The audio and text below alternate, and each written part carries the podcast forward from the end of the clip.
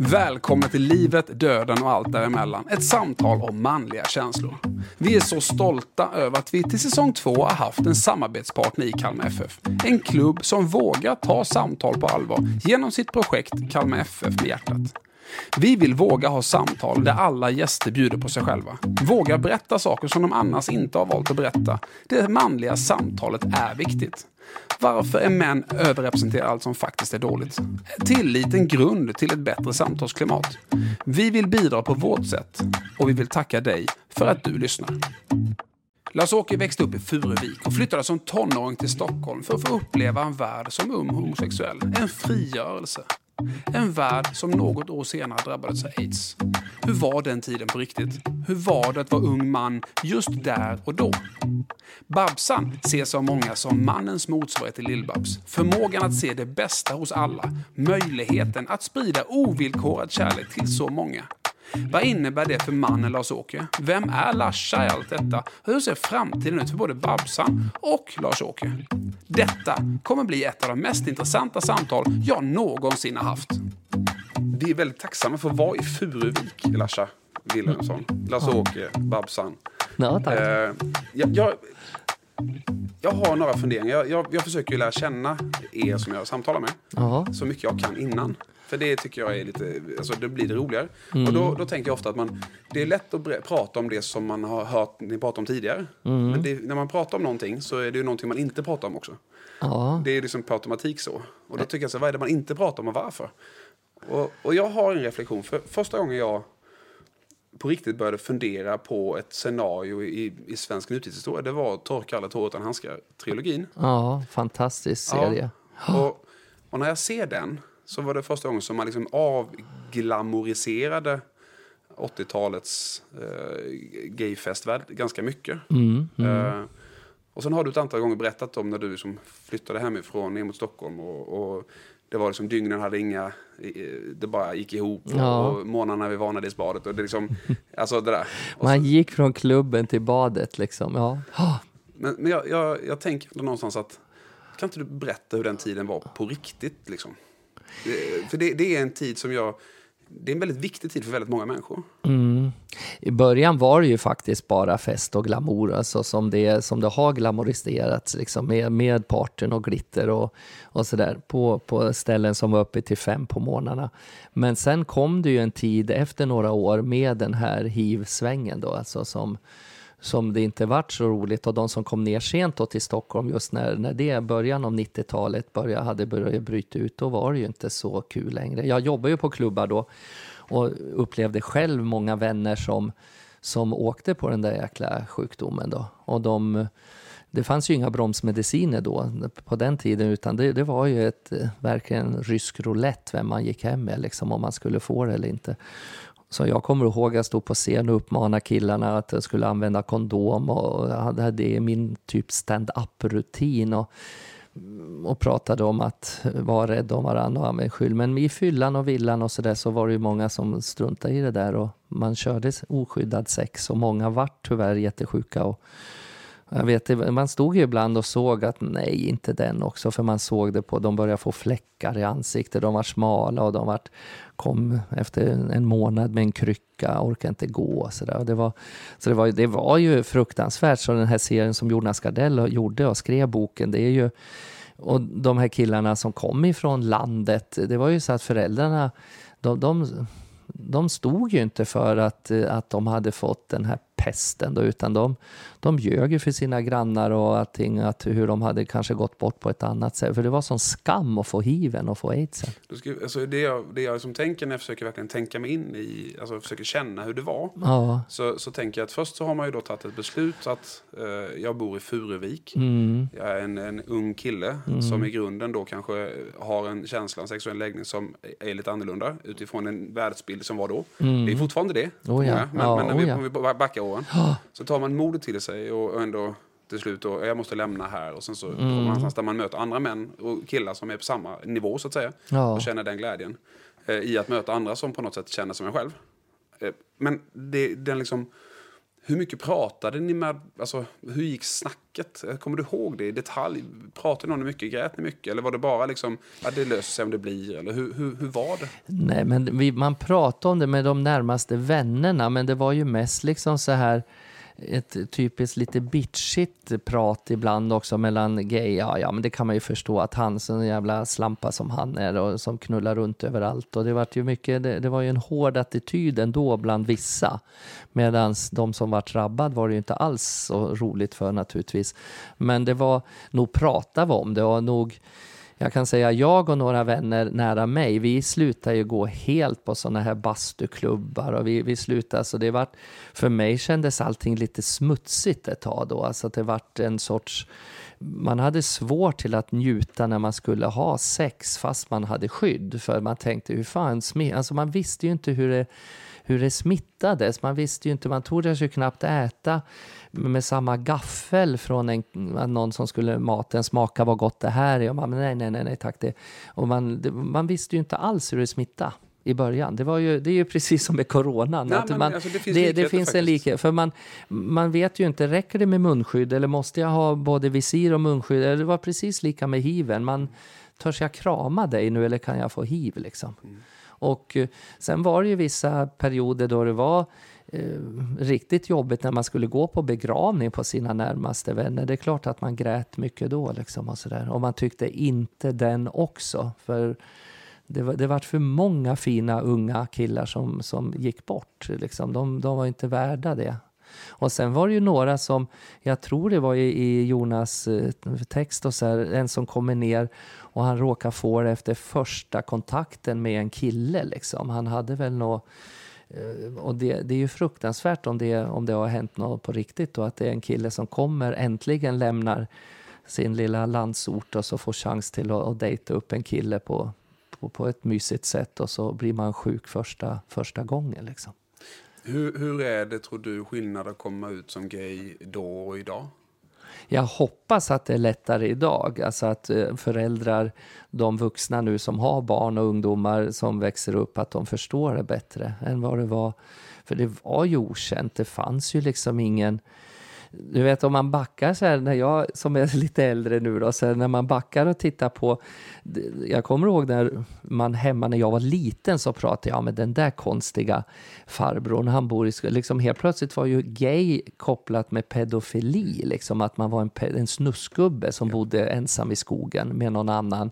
Undrar om det kan ju inte vara hans bror, det måste ju vara någon. Och det var alltid kopplat med, med, med snusk, alltså ja, att det var kriminalitet. Ja.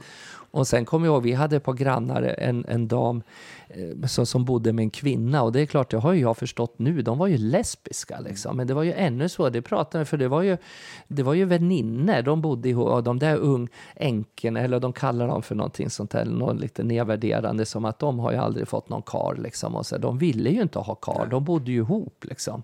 Och det, men det där har man ju förstått nu.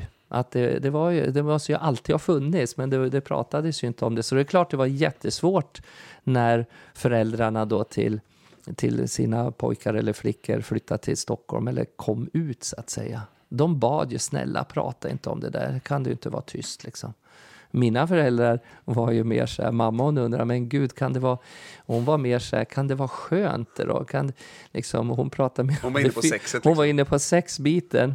Jag har ju tagit tempen där, kan det vara skönt att ha någonting annat än en liten idomindoppad termometer? Och pappa han tyckte mer att, ja, bara de inte lurar mig. Pappa såg, tyckte inte killar var så bra att ha ihop det med, för han trodde alltid att killar skulle lura en på pengar och utnyttja en. Alltså det, det, det, det, är så otroligt spännande. Vi pratar i den här podden så har vi som två delar. ena är liksom känslor i allmänhet och manlighet och, ja. och, lite olika spörsmål. Och den andra delen är som lite karriären då för att knyta upp det på, på liksom hela dig så att säga som människa. Vi pratar mycket tillit. Ja. För det har jag, eh, tycker jag, Max är en, en, en eh, man säga, ett enkelt sätt att våga börja prata och skapa vänskap på. Mm, det är att mm, idka tillit. Mm. Jag, jag, jag, jag, litar på att du inte berättar det här vidare. Nej. Och jag upplever att väldigt många som skickar brev till mig utifrån Ironman-perspektiv eller de vill berätta sin mm. livshistoria på något sätt. De avslutar alltid med att det här inte berättats för någon. Nej, det innebär att de har inte idkat tillit till någon.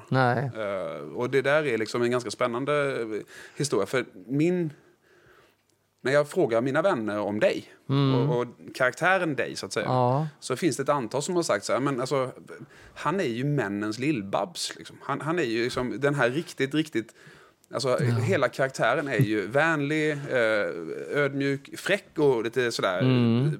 spetsig. Men alltid med en väldigt varm underton och omhändertagande ton. Och då tänker jag tillbaks till den här tiden med liksom torka aldrig tårar-tiden. Mm. Eh, ditt ansvar då som står upp att du ändå tog direkt det här, använd skydd. Mm. Har det varit med dig hela vägen, den här personligheten som jag uppfattar som en omhändertagande del Ja. av dig? Har den liksom varit med dig från början? Det var ju, alltså det kan jag säga, det är ju väldigt smickrande och folk tycker att man är, för jag älskar ju Barbro Svensson Lill-Babs, som det är ju väldigt fint betyg om man tycker det om mig. Men absolut, för när man var där på klubben, det kom ju, på den tiden skrev man brev och så fick man ibland något Ja, fax, det började väl komma mejl lite grann, men brev, man var ju brev och vykort på den tiden och då fick man ju från oroliga föräldrar och farföräldrar och, och farmor och mormor och sådana här som frågade om, om just när den här sjukdomen kom. Det var ju otroligt många och som även utav de som gick, man, man fick ju ta hand om folk alltså. Man fick ju stå och trösta. Man fick ju verkligen trösta. Och då på när man står vid en bardisk, ja det vet du ju själv när man står på andra sidan, men, men man har ju tid att stå och lyssna. Mm.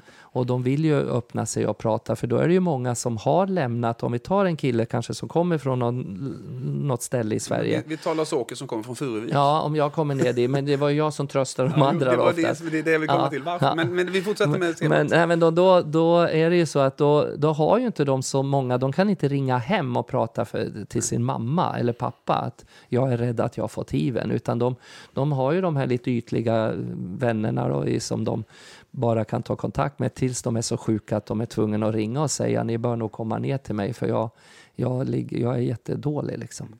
Så att, och det gick ju fort med den där sjukdomen. De försvann ju, de började ju liksom nästan de ruttnade ju bort en del, fick svamp ifrån halsen och ner och så mötte svampen i bakifrån rumpen så vart det en förmultning. Alltså det, de fick ju, det var, huden började släppa och de fjällade och jag var och hälsade på någon på sjukhus och de skakade lakanet, skinnet lossna och det var så här, äh, det var fruktansvärt att se en människa bara tryna bort så här, försvinna.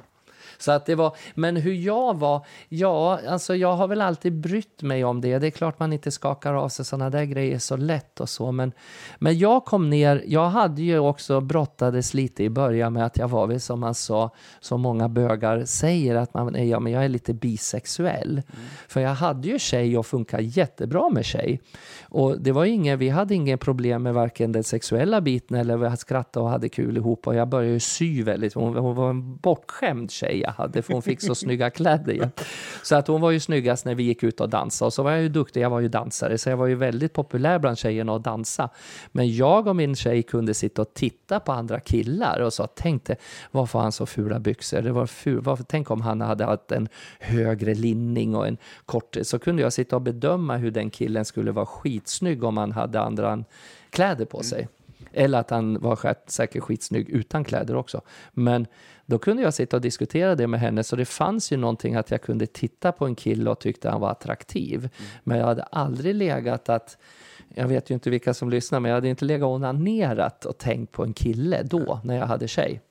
Utan det hände ju när jag kom till Stockholm sen och fick chansen till att där fanns det killar man fick tillgång till liksom. Och så provar man och så vart det bara, oj vad, vad häftigt det här var. Liksom. Det vart ju något nytt. Men då var jag precis som många andra, att man var feg och säga, jag tog inte steget ut direkt och sa, ja men nu är jag bög, utan jag, jag var skyldig på att nej, men jag funkar med tjejer. Och, men mer och mer så trubbas det ju av med brudkontakterna med tjejerna.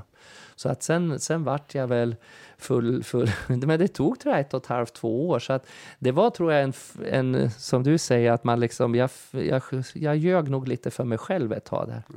Fast det hade, jag led aldrig när jag var med, med mina tjejer i början då, innan jag var 20.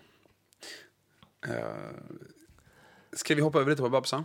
Ja, visst. Alltså absolut. lite glamour. Babsan och, är ju lite... straight hon. Ja, ja, men jag säger det. det är Babsan är ju straight och gift eller ihop med en man som heter Gunnar. Det Det finns ju ett manus. Det är ju fantastiskt. Alltså, Babsan är ju Hon tycker nog alla... att fjoller är lite så här, usch nej, det är lite karar i klänning kan vara lite eh, otäckt. Kan Men jag är en tycka. riktig karl Ja, eller hur? exakt. Hon ska ha en riktig karl. Ja, men hon ska ju vara en riktig man. Ja. Det ska ju vara klassisk Så man. hon, hon kan nog tycka att den här Christer Lindar var och så där okej då, men annars så tycker hon nog att det är lite tramsigt att springa i damkläder. Nej, men så det, typ det, det tror jag väl Babsan, tycker Ja. också. Är det liksom helst, är, är det så här, vill hon ha arbetarmannen med lite skit i naglarna eller är det kostymmannen helst? Om hon får välja mellan de två eh, Nej, helst, helst skulle hon vilja ha den här så att de får gå på mer kändisfester så hon får visa upp sig. För hon är ju gift med någon taxichaufför och honom pratar hon sällan om. Gunnar, han kör ju taxi och har tubsocker med rand, trepack. Hon gillar inte det riktigt, men hon, ja, som alla andra, de, de hänger ihop. Ja, men det är så. Man har varit gift så länge så man orkar inte bry sig. Man pratar inte riktigt om det Nej, vad man inte man, vill ha det, egentligen. är, det är bara som en bihang, liksom, en Varför tror du att. Babsan och Gunnar har det så? Ja, det ligger någonting Varför skiljer hon inte Vet sig? du vad jag tror? Att det är ju liksom mina tankar som Lars-Åke som går över. För jag träffar ju så många straighta par som har varit ihop lite länge och de tycker, nej men varför, varför? Och de gnäller på, man hör att hon är inte nöjd med gubben och han börjar bli usch och det är det ena och det andra och gnäller och gnäller. Så tänker man, men varför bryter du inte upp då och skaffar någonting som du, du det här har ju du pratat nu om fem år. Ja men vad sjutton, nej, vi, nu rullar det på. Så jag tror att jag tar mycket från verkligheten, från de straighta par jag, Jag är träffar. helt övertygad om att rätt. Och då har jag liksom förstärkt, alla de negativa grejerna lägger jag på att Babsan har det lika jävligt med sin man Gunnar. Liksom. Men alltså, Babsan är ju en, en, en, eh, en kvinna som Ja. har varit eh, krigsunderhållare nere på Balkan. Ja, Mm. Hon har hållit i talkshows, hon har haft egna VIP-avdelningar på de he- hetaste krogarna. ja. Hon är gift med Gunnar. Mm, Kommer ihåg det? Ja. Eh, Hon går på alla premiärer, men hon är gift med Gunnar. Mm. Ja. Ja, det känns som att Babsan har en viss tendens till lite otrohet, men det ska vi inte ta, för jag tror, jag tror hon är noga med det. Eh, Nej, det är nog mer jag. Babsan är en person som liksom har, har synts i så eh, många år, ska vi inte säga, för det låter som att det är passé. Men det är liksom, Mm. Jo, hon har gjort väldigt, väldigt lite. mycket. Ja, ja det har jag gjort. Ja. När är Babsans eh, liksom, nästa revival-grej? När kommer Babsan att få nästa tv-show, tänker jag? Ja, det, det skulle jag tycka var jättekul också faktiskt. Det hade ju varit jätteroligt. Jag hade ju en egen show då den här Ett liv i rosa som Lifeline stod bakom och så var vi ute på turné och sådär. Men det var, den kom lite i, och det var fantastiskt kul för mig att få göra den showen med fyra dansare och det handlade om mitt liv, både som Lars-Åke och Babsans kändisliv då. Men det skulle vara jättekul att få göra en ny tv-show med när jag kommer det här Babbla med Babsan då 92, 93 och Jan-Hugo Stenbeck som du säger med allt, de här VIP-logerna och allting. Då var, jag så, då var det så nytt med talkshow i Sverige. Det var ju bara ett amerikanskt koncept. Liksom. Alltså, TV3 hade precis kommit. ja, det hade Alltså, det fanns ju bara ett, två, fyra. Ja, och ett- fyra var alltså- nästan nytt också. Ja, oh ja, fyra kommer man- ihåg, ja. Mm. alltså, så vi, för er som är yngre, så att vi förstår kontexten. För där började jag på ZTV, hette ett program som också gick via sänt via satellit via London och tillbaks och så här fram och tillbaks. Och då var det nytt och då sitta och ha gäster då, som du gör nu då, Björn, att man, åkte, man bjöd in sina vänner och då hade jag börjat sytt mycket som Lars-Åke till privatteatrarna. Så jag, alla gäster som kom kände jag lite. Jag bad dem, ja, men jag, vilken dag är det då? Ja, på onsdag. Och det var alltid från Siw Malmkvist och Lill-Babs som vi pratade om också. Det är till alla nya musikalartister på den tiden. Rickard Herrey och de hade nyss vunnit med Diggiloo Diggiley och eh, du vet, och alla, alla de här på den tiden nya stjärnorna. Peter Jöback satt där med otrimmade ögonbryn och var livrädd Jag förstår. att, att jag skulle avslöja för mycket om honom då, för han hade ju inte kommit ut och sådär då. Och eh, det, det var, då var det men sitta och prata och vara fräck som Babsan, det var väldigt nytt då på den tiden. Och Babsan, jag satt Babsan på kartan via TV3. Så från 95-96 så var jag väl ganska rikskänd som Babsan tror jag. Vad jag menar är att jag tror att Babsan skulle fylla en funktion idag.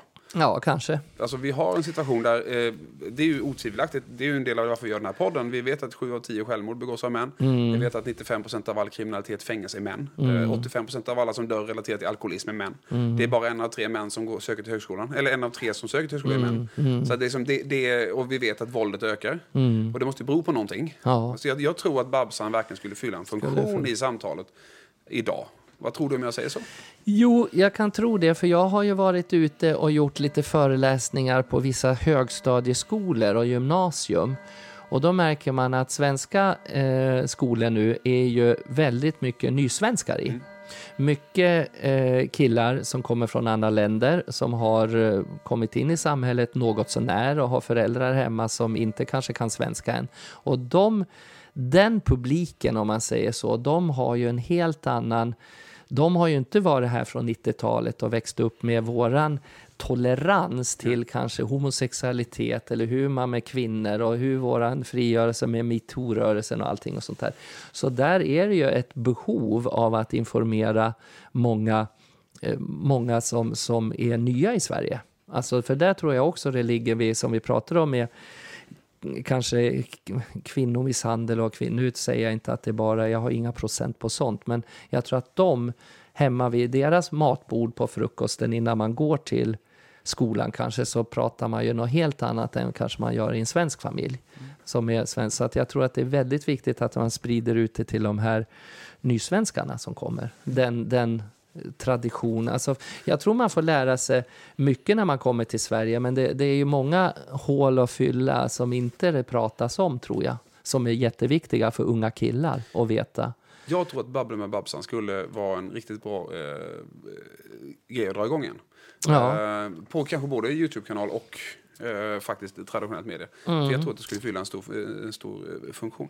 Men innan Babsan kom till, så vi fortsätter i spåret artisten, alltså Ja, eh, eh, ja. drag eh, Lars-Åke. Det var många ju- per, olika färg på peruker innan jag hittade jag Babsan. menar liksom. det, för du Ja. var ju pratade om Japan och Genève. Och, och, alltså, ta oss tillbaka till tiden när du började inse att det här tycker jag är jävligt kul. Vad, vad, kan backa bandet lite till i den sidan Ja, men då, då hade jag ju en tjej som hette Berit som jag var ihop med och så henne buggade jag med och så hade jag en danspartner som hette Monica. Och på den dansskolan hade de alltid avslutning, så här, man visade upp alla klasser som hade gått och dansat då på terminen. Mhm. Och då hade de en show, så då erbjöd jag mig att göra show då, uppträda. Och det var där jag började liksom att klä ut mig och göra olika karaktärer och mima och dansa till.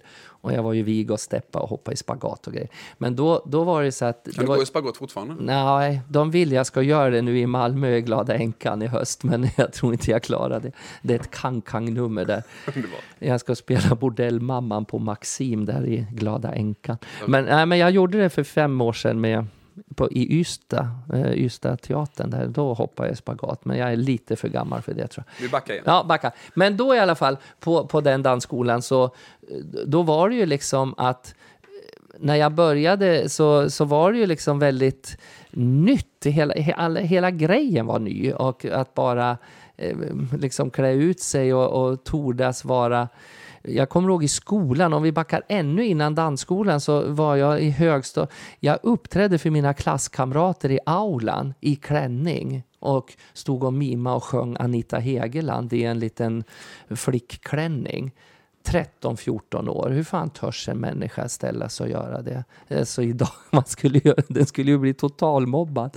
Min- Var du mobbad? Ja, men det rann av mig. Mina kompisar, du är fan inte klok, varför gör du det där? Och så här, Gud vad fånigt och så här. Sen så var det sen när någon lokaltidning skrev om det och man helt plötsligt var i tidningen, Lars-Åke 14 år, spelar huvudrollen som skolfröken i Rusk, årsexamen, Ruskaby skola, någon sån här barnpjäs. Då var, skulle jag vara fröken och hade mormors Valbo-dräkt på mig. Och jag var ju liksom, jag bara tyckte att jag spelade teater. Jag brydde mig inte att jag klädde mig som en tant liksom. Utan, och då vart ju det, då vart ju kompisarna lite, åh vad häftigt, det var, du, du var i tidningen idag liksom. Ja, Sätt på dig en klänning så hamnar du på omslag. Nej, de, så nej, började var, redan där? Ja, jag började, eh, mormor, och så mormor in- peppade mig och tyckte det var så roligt. Hon var den enda som tyckte jag var bra. Jag frågade mamma ibland, vad tyckte du om det där då? Nej, det tyckte jag väl det där var så bra. Inte. Hon, mamma var så här kritisk jämt och jag tyckte det andra var bättre. Ja, då hade jag gjort något annat nummer och innan som jag hade övat in bättre. Jag hade audition för mamma jämt uppe i trappen. Så stod hon och tittade hon mellan bakplåtarna. Mamma, titta på det här nu. Mamma, titta. Och så sjöng jag och dansade någon tango eller något uppe där. Ja, ja, ja. Det där blir nog bra, det sa hon. Och så gick hon tillbaks till köket. Och därifrån och sen så någonstans så utvecklades det här och du sydde och sen så...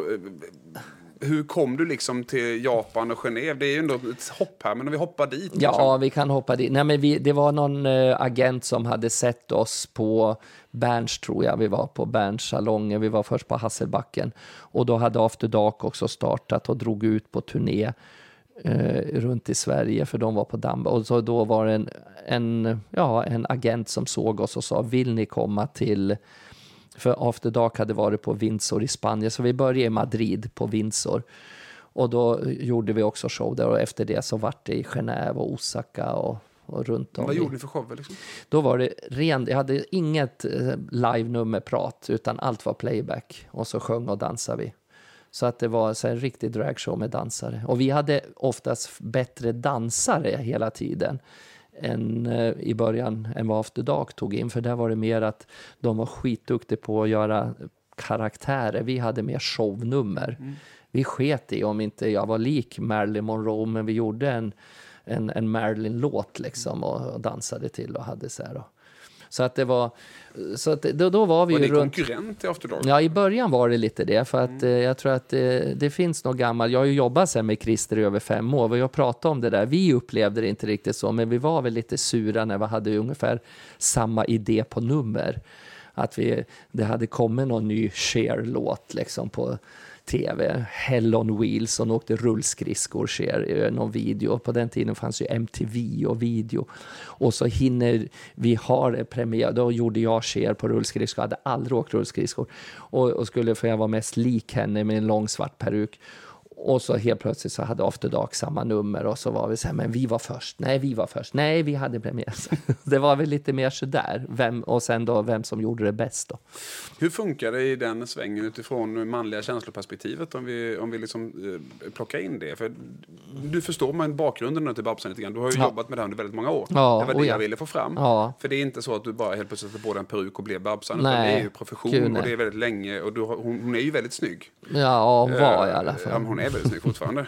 men eh, vad jag menar är att det, det var ju inte så att det bara hände. Nej, Utan nej. det var något som verktes fram under många år av träning kan man säga. Ja, jag hittade liksom, jag tröttnade på att mima till andras låtar. Alltså jag, jag ville göra en egen, jag ville få fram någonting. Och då i Sverige så ville jag börja, jag ville få en talan, jag ville prata, jag ville ha åsikter. Jag ville liksom, Mona Seilitz när hon levde sa Larsa, ibland får hon vara gäst en gång. Ibland växer ditt horn, horn ut ur pannan lite långt tyckte hon. Att jag gick på lite för känsliga grejer. Men jag ville liksom, jag jag tyckte allting varit lite tramsigt ett tag med det här med bara playback och gå in och mima. Så det, det, det, det var bara, ja, ja, du är lik den och du, ja, vad trevligt det där var då. Men det var, det, det, jag, ville, jag ville få fram något mer. Och då, Konstnärsuttryck liksom. Ja, jag ville liksom... Jag tänker Robert Fuchs som vi pratade Mm. om lite där. Han är också en sån här mer... Det är inte bara att han går in... Han, han är liksom en karaktär. Han är någon. Man lyssnar lite och sådär tycker jag. Robert Fuchs är en som jag ser upp till väldigt mycket. Han, han har bidragit till min syn på livet. Mm. Det har han, ja. han vet om det, men det är Nej, men så. du ser. Ja. På gymnasieskolan i Och- Kalmar en gång i tiden. Ja. Det- Nej, och det är det viktiga. Han tar ställning och man, tar, man, man måste tordas ta ställning ibland och säga ifrån och säga ja eller nej och så ha, säga vad man tycker. Men jag, tillbaks till den här tiden Ja. utifrån perspektivet manliga känslor. För det är ju en värld som jag utifrån och som har varit i artistvärlden en del ändå. Det är en ganska hård värld. Ja, det är Eh, det. Det är mycket fest. Mm. Eh, Det är mycket eh, möjlighet till tillfälliga sexuella relationer och Mm. det är ganska mycket yta. Eh, Det är svårt i den världen, upplever jag, att skapa vänskap. Mm, Vänner är inte så svårt. vänskap, nej. Men vänskap, är svårt att Vänskap, skapa. mm, det är det. Delar du den bilden? Och hur, hur, hur åkte du slalom med de här po- portarna och nedfarterna den här tiden? Ja, jag tyckte det. Man var så besviken ibland på vänner alltså som bara umgicks för man var bjuden på, på de här festerna till exempel. Att man, det var ju inte mig de ville träffa. De ville liksom, du har inte fått någon kul inbjudan eller de ringde. Har du fått till nya Jens Bond-filmen? Har du fått en inbjudan? Ska du gå på den? Har du någon att ta med dig eller får jag gå med? Och det var mycket sådär bara, ja, så att det, det upptäckte man och de vännerna, de, de satt man ju i periferin. De, det, sen fanns det ju andra riktiga vänner som inte ens frågade utan de sa vad kul, ska du gå och se den filmen? Ja, vill du gå med? Vad då? har du biljett till? Ja, så, alltså förstå, det där, du vet man hittar mm. ju de som ville umgås med mig och sen sket de i om det var på Jens Bond-premiär eller om vi skulle sitta och titta på Halv åtta hos mig hemma liksom. Men är det utifrån det perspektivet, lite, nu börjar vi komma dit jag vill i det här samtalet, för, i den här delen. Mm. För, för, har du många eh, vänskapsvänner idag? Eller är det fortfarande så att man liksom... Alltså, Nej, jag har jag bara menar? vänner idag. Ja. jag har bara vänner idag och det är väldigt kul också att imponera på lite yngre vänner, alltså som, som man tar. För mina, mina vänner idag, de är så trött, de vill inte gå med på några gratis ätargrejer längre. För de har blivit så bortskämda, så de, nej men Larsa, jag orkar nog inte fråga någon annan, utom mina riktiga vänner. Så att de har, de har blivit så mättade av det där jag kunnat erbjudit dem, så att de här vänskap, de finns inte kvar, de har jag ju raderat bort som bara ville komma. Och då är det kul att ta in nya vänner och de är ju oftast yngre. De är ju helt imponerade bara man säger att man ska, och nu får jag inte trycka ner någon, men om det bara är en invigning på någon blomsteraffär i Solna så ja. tycker de det är kul för det står tre fotografer där. Liksom. Nej, men, ja. ja men, men det, och det är ju en del av dig som fortfarande söker. Jag har delat upp dig lite privat. Och mm. Lasha som kostymör och sen Babsan. Ja. Vi ska gå in på kostymörs-Lasha en liten stund. Jaha, mm. men, men det är liksom så här, eh, kicksökande, älska ha roligt. Mm. Eh, mm. Den delen finns ju kvar i dig väldigt mm. tydligt. Oh, ja. Samtidigt som du älskar motorsågs delen mm, av dig. Där mm. du står här och snickrar och fixar mm. i Förevik. Och du jag skulle aldrig klara av utan att ta fram min motorkape och jag skapa några brädor eller plankor och så såga ihop ett däck eller något sånt. Om inte jag får göra det på en månad, då blir jag tokig. Så vad, vad, tror du att det här kicksökande delen av dig, att älska mm. att uppleva nya saker fortfarande, ja. är det någonting som också liksom har varit en del av det hela vägen? Ja, det tror jag. Brisse. Det är Brisse som börjar bädda här, ja, eh, min lilla hund. Nej, jo, men jag tror att jag söker... Eh, man, ja, men det vet hur det är. Man, det här riktiga kicken eh, söker jag väl inte riktigt längre. Med, om man säger, det är svårt att imponera på mig med någon jättefest nu. Jag uppskattar och är jättepositiv när jag ser ett uppdukat premiärbord och en buffé man får gå och äta gratis. Och det tycker jag är fantastiskt kul. Men då har jag börjat märka att jag lyfter med de som jobbar och dukar och plockar fram det där. Än att, och det kanske kommer den där vänliga sidan, då, att jag tänker på hur lång tid har det här tagit och vilka blomster och och så lyfter man folket som inte syns. Liksom. Mm. Och det tror jag är viktigt. Men kicken, det är klart det är alltid roligt att få vara med men jag skulle ju inte vilja bara vara i det där glamlivet längre.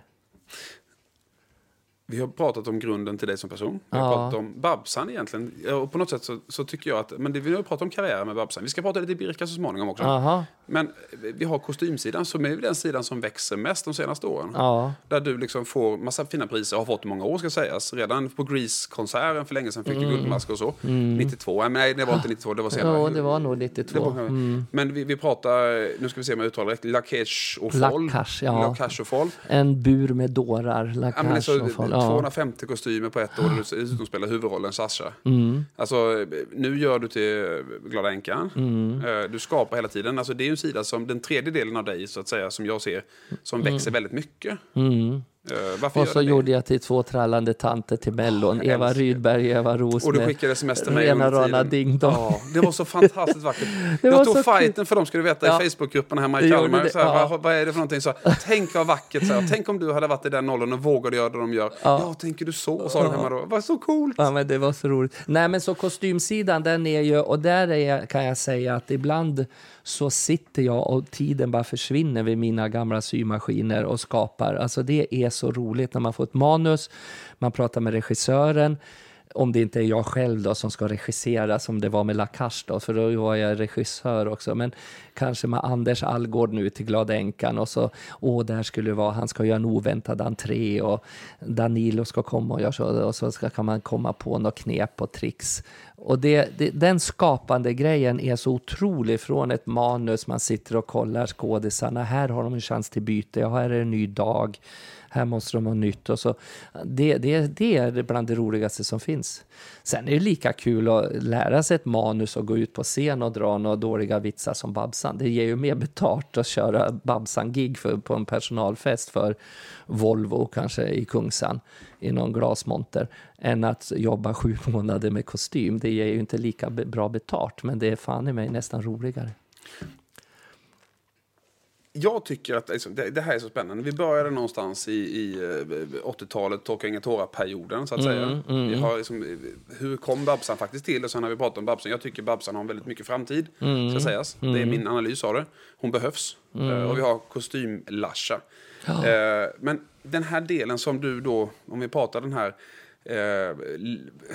Lill-Babs vänliga eh, omhändertagande som aldrig på något sätt eh, dömer Eh, kom det fullt ut fram under de här åren på Birka där du, där du liksom i, i ett antal år var värd och eh, alltså när du berättade om det första gången i någon mm. podd så bara vilket jävla svårt uppdrag. Mm. Alltså det är ett galet svårt uppdrag. Att få, det var en allmän så här, du ska vara värd här och se till så att mm. alla trivs.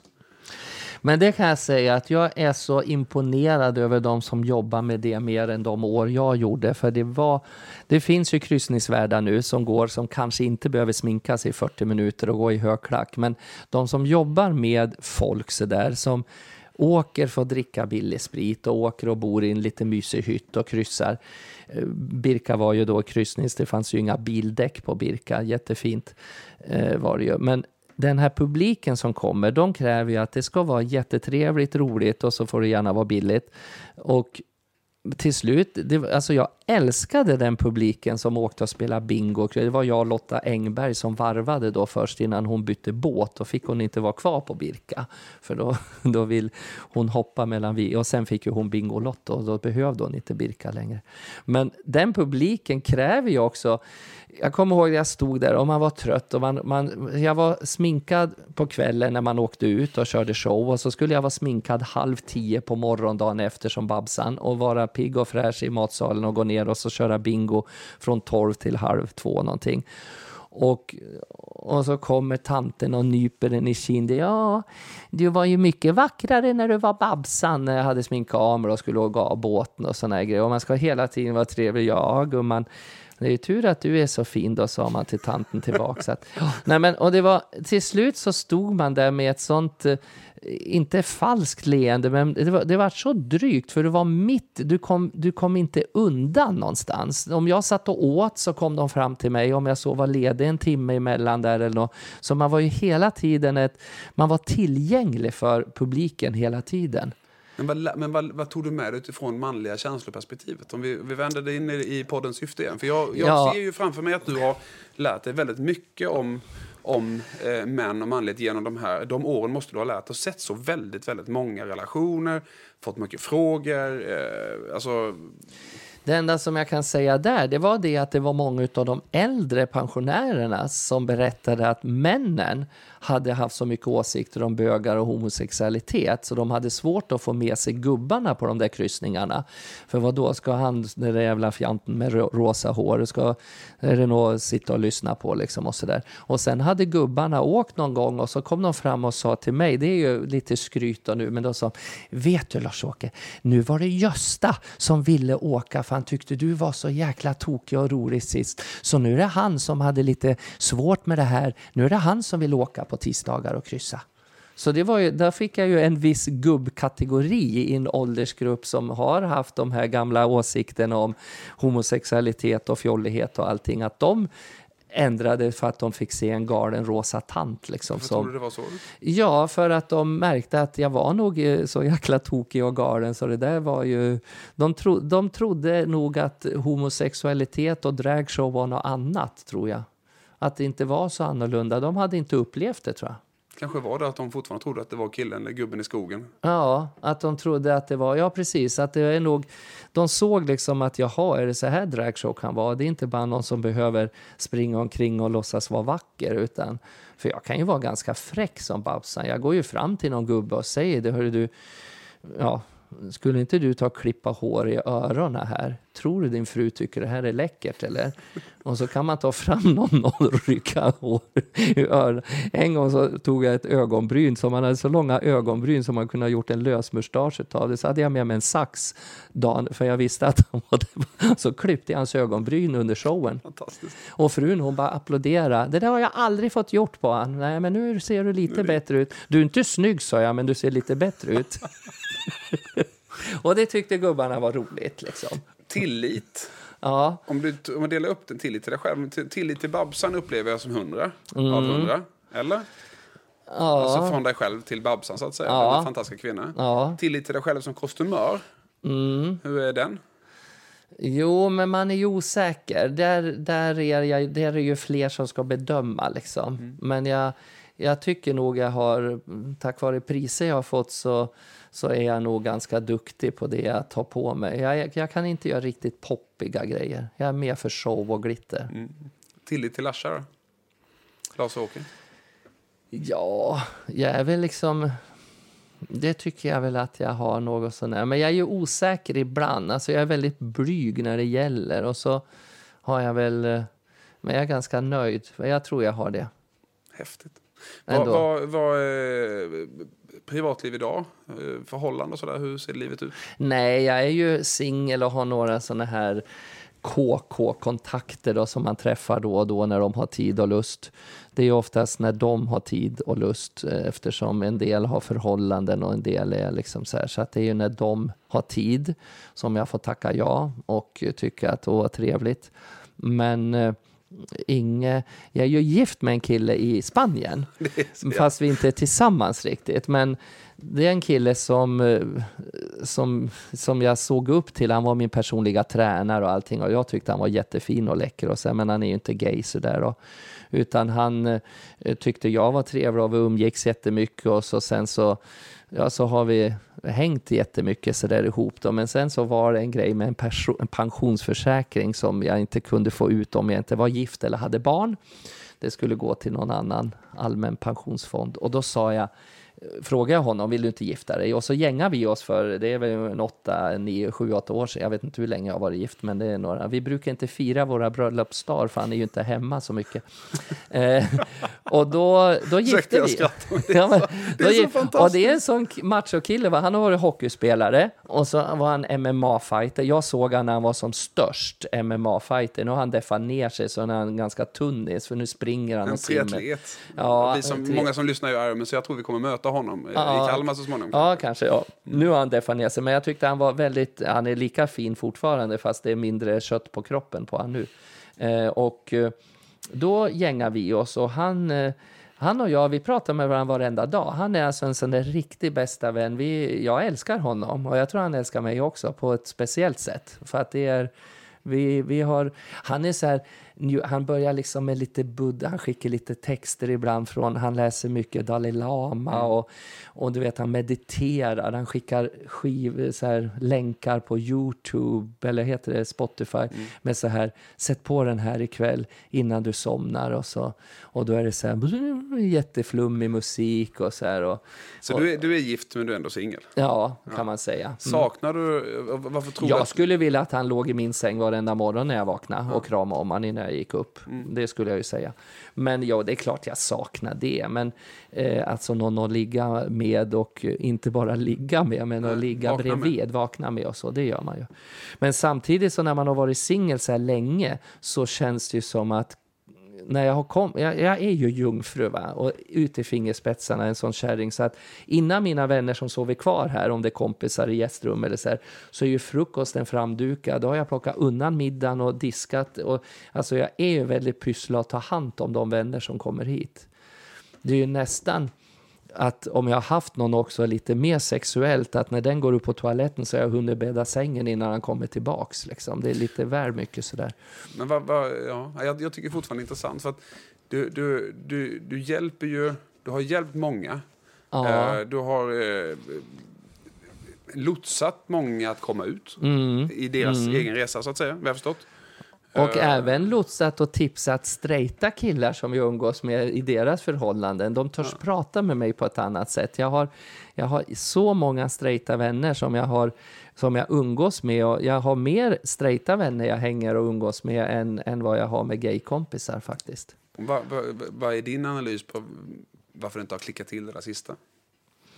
Eh, med ett förhållande? Ja. Ja. jag vet inte. Om jag är för bort... Alltså om jag... Jag tror de blir skrämda också. Jag kan tala om för dig. I min värld, så de här som vill, om man ser på alla sådana här sajter där man ska söka, söka snabba ligg, om man får säga så, då, eller förhållanden. Det finns ju sådana som säger de är seriösare, att du kan hitta din partner, står det ju på vissa också. Men det är ju oftast frågan om eh, snabba, eh, snabba Sexuella sexuella, förbindelser. Då är det det att i min värld så blir det ju mest att de, skulle du inte kunna vara Babsan?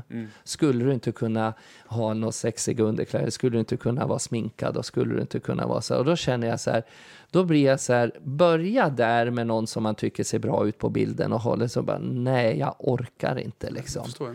Då orkar jag inte, det är mitt jobb liksom. Ska jag behöva där, alltså det, jag kan väl vara läcker fortfarande i någon stay-ups och string och så här, men liksom det känns ju inte riktigt rätt. Nej, Jag kan ju inte, jag det är en sak om jag fixar frukost till det på morgonen, men gå, innan jag går och lägger mig börja sminka mig och på, hoppa i korsetten och grejer liksom för att det kan man ju ha en kul fetisch någon gång sådär med någon vän, men inte satsa ett förhållande på. Och, Nej, verkligen inte. och så nu är det så svårt med korsetten och magen att hålla in också. Och ska man stå på alla fyra ser man ju som en havande gris. Liksom, så att, och, nej, och det hjälper inga korsetter för sånt nu. Nej, men så att det, det, det är det som är problemet tycker jag. Min karaktär som jag har älskat sedan 92 och som jag har tjänat pengar på.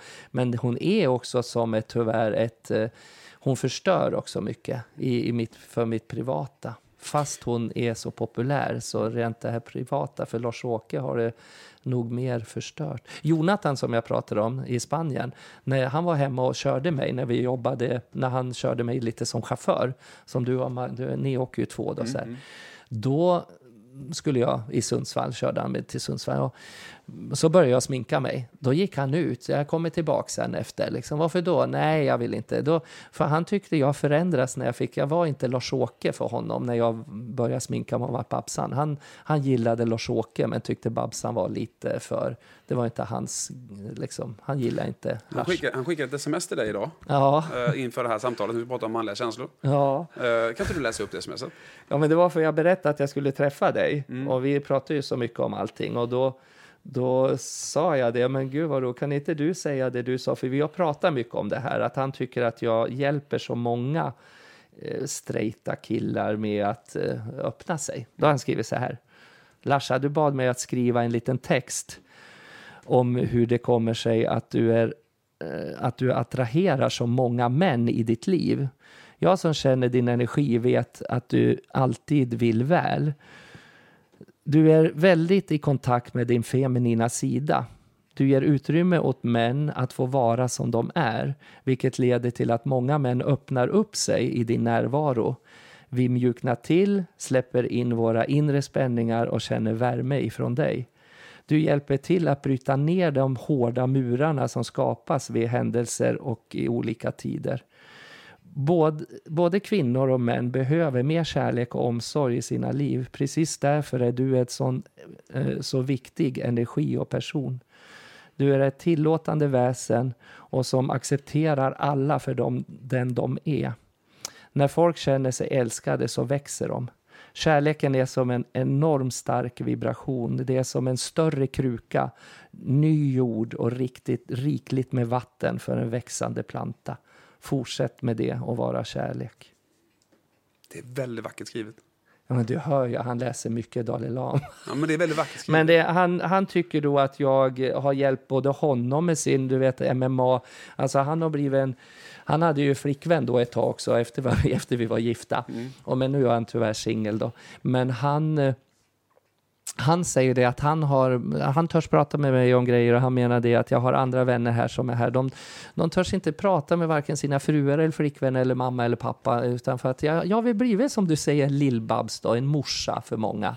En extra här, mamma. Vi, vi, har ju en fråga som vi ställer i alla mm. avsnitten och det är varför män är överrepresenterat i allt som faktiskt är dåligt. Mm. Mm. Och, och vår provtest, min och Max, som mm. gör den här podden ihop, mm. han sköter tekniken när jag pratar, men vi gör den ihop och han vår tes är att det är brist på ärliga samtal, mm. brist på tillit. Mm. Uh, om alla är mellan män. Ja, det är det vi är inne på. För att det är det jag menar, kvinnor, de, de kan sitta och snyfta och, och dricka lite vin och äta en ostbricka och de, de öppnar, alltså de törs visa svaghet. Män är så dåliga på att, att visa det är inget, alltså alla vi män, vi ska ha en snygg klocka eller vi ska ha en låg snygg bil man får krypa in i. Alltså det är så mycket status. Vi törs inte liksom öppna, eller vi, men många män törs inte det. De törs inte gå med sin kompis och säga fan vad jag mår dåligt. Vet att jag, jag är så ledsen för jag har det funkar inte och nu är det så jobbigt, jag får ingen fritid, jag har inte tid att träffa någon annan än och hon gnäller. Och att de, det, det är liksom, alla ska fixa livet, de, de ska vara så här, ja det är skitbra. Liksom, att de, blir, då blir ju grejen att du håller dig inom det. Ja. Vissa klarar inte det och nej, exploderar på olika sätt. Exakt. Och då och istället för att kanske försöka rädda ett förhållande med en tjej som man en gång har älskat eller har fått lite barn, så lär man ju kunna ta hjälp av sin kompis eller någon polare som man har tillit till och, och lyssna på. För att det, jag tror män skulle behöva så mycket mer mjuka, djupa, alltså grå, alltså öppna sig än att sitta och, och prata pattar och, och grejer i en omklädningsrum på en hockeymatch liksom eller så här och impa på, på något annat. Är, vi, är, vi är skitdåliga. Män är skitdåliga. Jag räknar mig inte dit. Jag räknar mig till något annat väsen. Men, det gör jag också. Ja, jag det gör det. Ja, ja, men det tror jag. Det tror jag. Men du har det bra hemma med familj och allting och gård och hästar och ja, jag, jag, är, jag är lycklig för jag mm. har en tillåtande omgivning. Alla mm. analyserar inte lika mycket som jag. Mm. Alla tycker inte att alla mina analyser är de bästa. Men jag tillåts ha dem ändå. Mm. Ja, men jag tillåts prata om dem. Man måste ju få ha... Och det är fantastiskt fantastiskt. Jag, ja. jag, är, jag har en extremt fin omgivning, både mina mm. barn och vi pratar om väldigt mycket mm. saker. Alla det, fyra. Det är jätteviktigt att man törs prata liksom. Jag har en väldigt ung pojke som kommer hit och hjälper mig ibland. Han, han har börjat prata om, för han säger men Larsa, det är så roligt, kan inte jag få komma och prata? Och då, då vill han prata om, då har det varit någonting, alltså, men det är kul att prata med en gammal transgubbe om din tjej nu som är ett år yngre. Han är 19 och hon är 18. Det är jättekul att jag, ja men, ja det kanske inte finns något facit på livet, men hur skulle du göra nu, liksom, frågar han. Mm. Ja, känn i hjärtat. Vad, vad känner du? Liksom? Har du tid? Har du lust? Har du vad? Jag, jag säger det, Lars-Åke Babsan Wilhelmsson Larsen. Privatpersonen eh, som någonstans eh, har hundra tillit till sig själv idag. Mm. På något mm. sätt. Ja. Eh, Babsan-delen, eh, definitivt min bild, 100% mm. tillit. Eh, kostymören, eh, med de jobben du har så får du inte ha något annat än 100% tillit, du blir förbannad. Nej, ja, eh, bara regissören är nöjd och skådisarna inte ja, gnäller. Och du själv kanske. Ja. Jo, ehm, alla, alla ska, alla, jag kan säga att jag har lyft många skådisar också för de har inte hittat, du vet när man är tung skådis och hittar inte sin karaktär mm. så kan en rätt kostym när de får på men gud nu, så här ska jag ju vara. Och så hittar de, nu har jag hittat min gubbe liksom. Eller, och det är kul om kostym kan men, hjälpa Men alltså dem. om jag eh, skulle säga så här, eh, vi skulle ha gift oss jag och Linda förra året. Ja. Eh, då kom mm. corona, vi blir mm. många, så det, och i år skulle, men det går inte heller. Det blir billigare det blir nästa bröllop år. visserligen. Det blir nästa år ja. istället.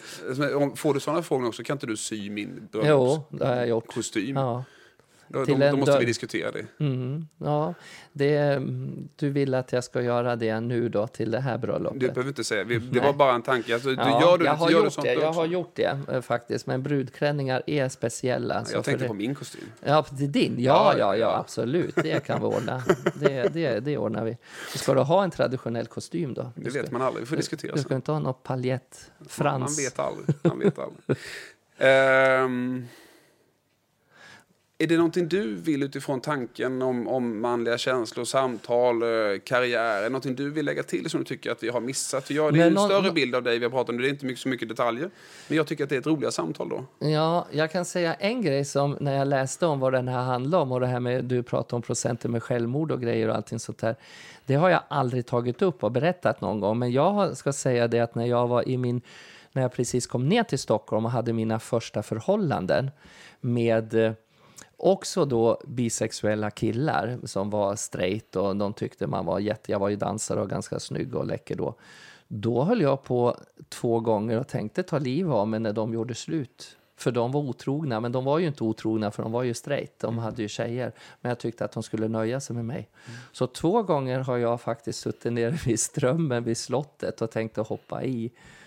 I, för att en, en kille som inte alls var... Men du vet, då var man ung och dum. Jag insåg inte att han var... Det var ju han som var en stor skitstövel. Vad skulle jag ha gjort något för? Men då var jag så här, för då var jag så olycklig för att han inte nöjde sig bara med mig. Men sånt känner jag aldrig längre nu. Nu, nu bara tänker jag så gud vad dum de är som inte väljer mig. Mm. Vad de går miste om. Så stark har jag blivit i självförtroende. Precis det... lika stark som jag var när jag var ung och de mobbade mig för jag hade sytt någon ful skjorta i skolan när jag var 13 år. Mamma sa, gud ska du ha den där i skolan? Kan du inte bara ha den där på dansen? Nej, den här ska jag ha idag.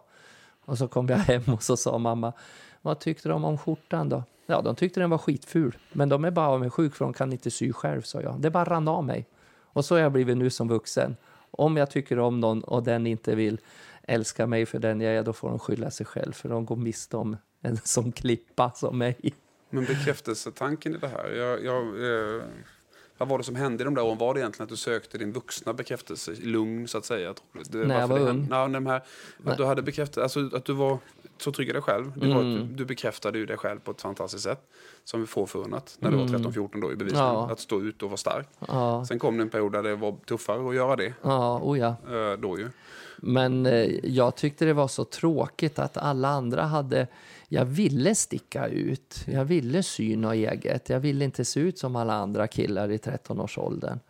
Och... Eh, och det, det, fick jag stöd från hemifrån. Mamma bara var orolig att jag skulle bli ledsen varje dag jag gick till skolan. Men jag kom hem starkare varje gång. Upplever du att det var fler än, än dig i din omgivning som hade de typen av tankar under den perioden där, när ni kom till Stockholm? Nej, det var sån, det var sån här mellanmjölksla... Alltså alla var bara gick efter en Kom det någon ny tröja på Åhléns eller vad affärerna hette på den tiden? Ja, så ja, hade... tänkte jag i Stockholm där när du Jaha, satt i Strömmen. Ja. Alltså upplevde du att det var fler i din omgivning där som, som liksom hade de tankarna du hade när du satt på Strömkanten och funderade? Ja, det var det ju, för då var man ju, det, då, dels var man då helt ny i Stockholm och jag hade börjat liksom blivit förälskad i killar. Och killarna ville inte liksom ha en till 100 procent. Jag tror det var jättemånga som gick igenom samma tankar. Att man liksom inte dög, att man att man hela tiden, ja, att man skulle vara någon annan än vad man var. Jag, jag hade, men det här är ju så länge sen då, men jag tänkte att det är, det är någonting som inte jag har pratat om, för det har aldrig dykt upp sen att jag velat ta liv av mig. Liksom. Mm. Men det hände två, två eller tre gånger där i Stockholm. Men... Om, du, om, du, om, du nu, om det är någon som lyssnar på det här, ja. som är i den ungdomsåren just nu, mm. där du var, ja. och känner samma känsla som du känner. Det är inte värt det. Vad vill du säga till den? Nej, ska, man ska tänka igenom, vem är det man vem är det man liksom försöker straffa? För den killen då, eller tjejen som inte riktigt vill ha dig, han är ju inte värd att, att ha det. Alltså det är ju, du är ju bara dum om du, om du gör något för en annan människa. Den, du, han, man är värd så mycket mer än att man ska typ visa, nu ska du få se varför jag, hur mycket, alltså du straffar ju inte den människan liksom. Du straffar ju bara dina nära vänner och dig själv mitt facit på att kunna hjälpa till maximalt från nu och framåt det är fortsätt att vara dig. Eh, tack så mycket för att du är du tack, och att du snett. fortsätter bidra och att vi hoppas på en revival för Babbla med Babsan. Ja. För återigen, jag tror att det behövs. Ja, en liten härlig fräck talkshow. Ja. Mm. Tack så mycket för att vi fick komma till Furuvik och ha det här samtalet med dig i podden Livet, döden och allt däremellan. Ett samtal om manliga känslor. Mm. Tack själv. Tack. Tack. Välkomna till livet, döden och allt däremellan. Ett samtal om manliga känslor. Vi är så stolta över att vi till säsong två har haft en samarbetspartner i Kalmar FF. En klubb som vågar ta samtal på allvar genom sitt projekt Kalmar FF med hjärtat. Vi vill våga ha samtal där alla gäster bjuder på sig själva. Våga berätta saker som de annars inte har valt att berätta. Det manliga samtalet är viktigt. Varför är män överrepresenterade allt som faktiskt är dåligt? Tillit en grund till ett bättre samtalsklimat. Vi vill bidra på vårt sätt och vi vill tacka dig för att du lyssnar.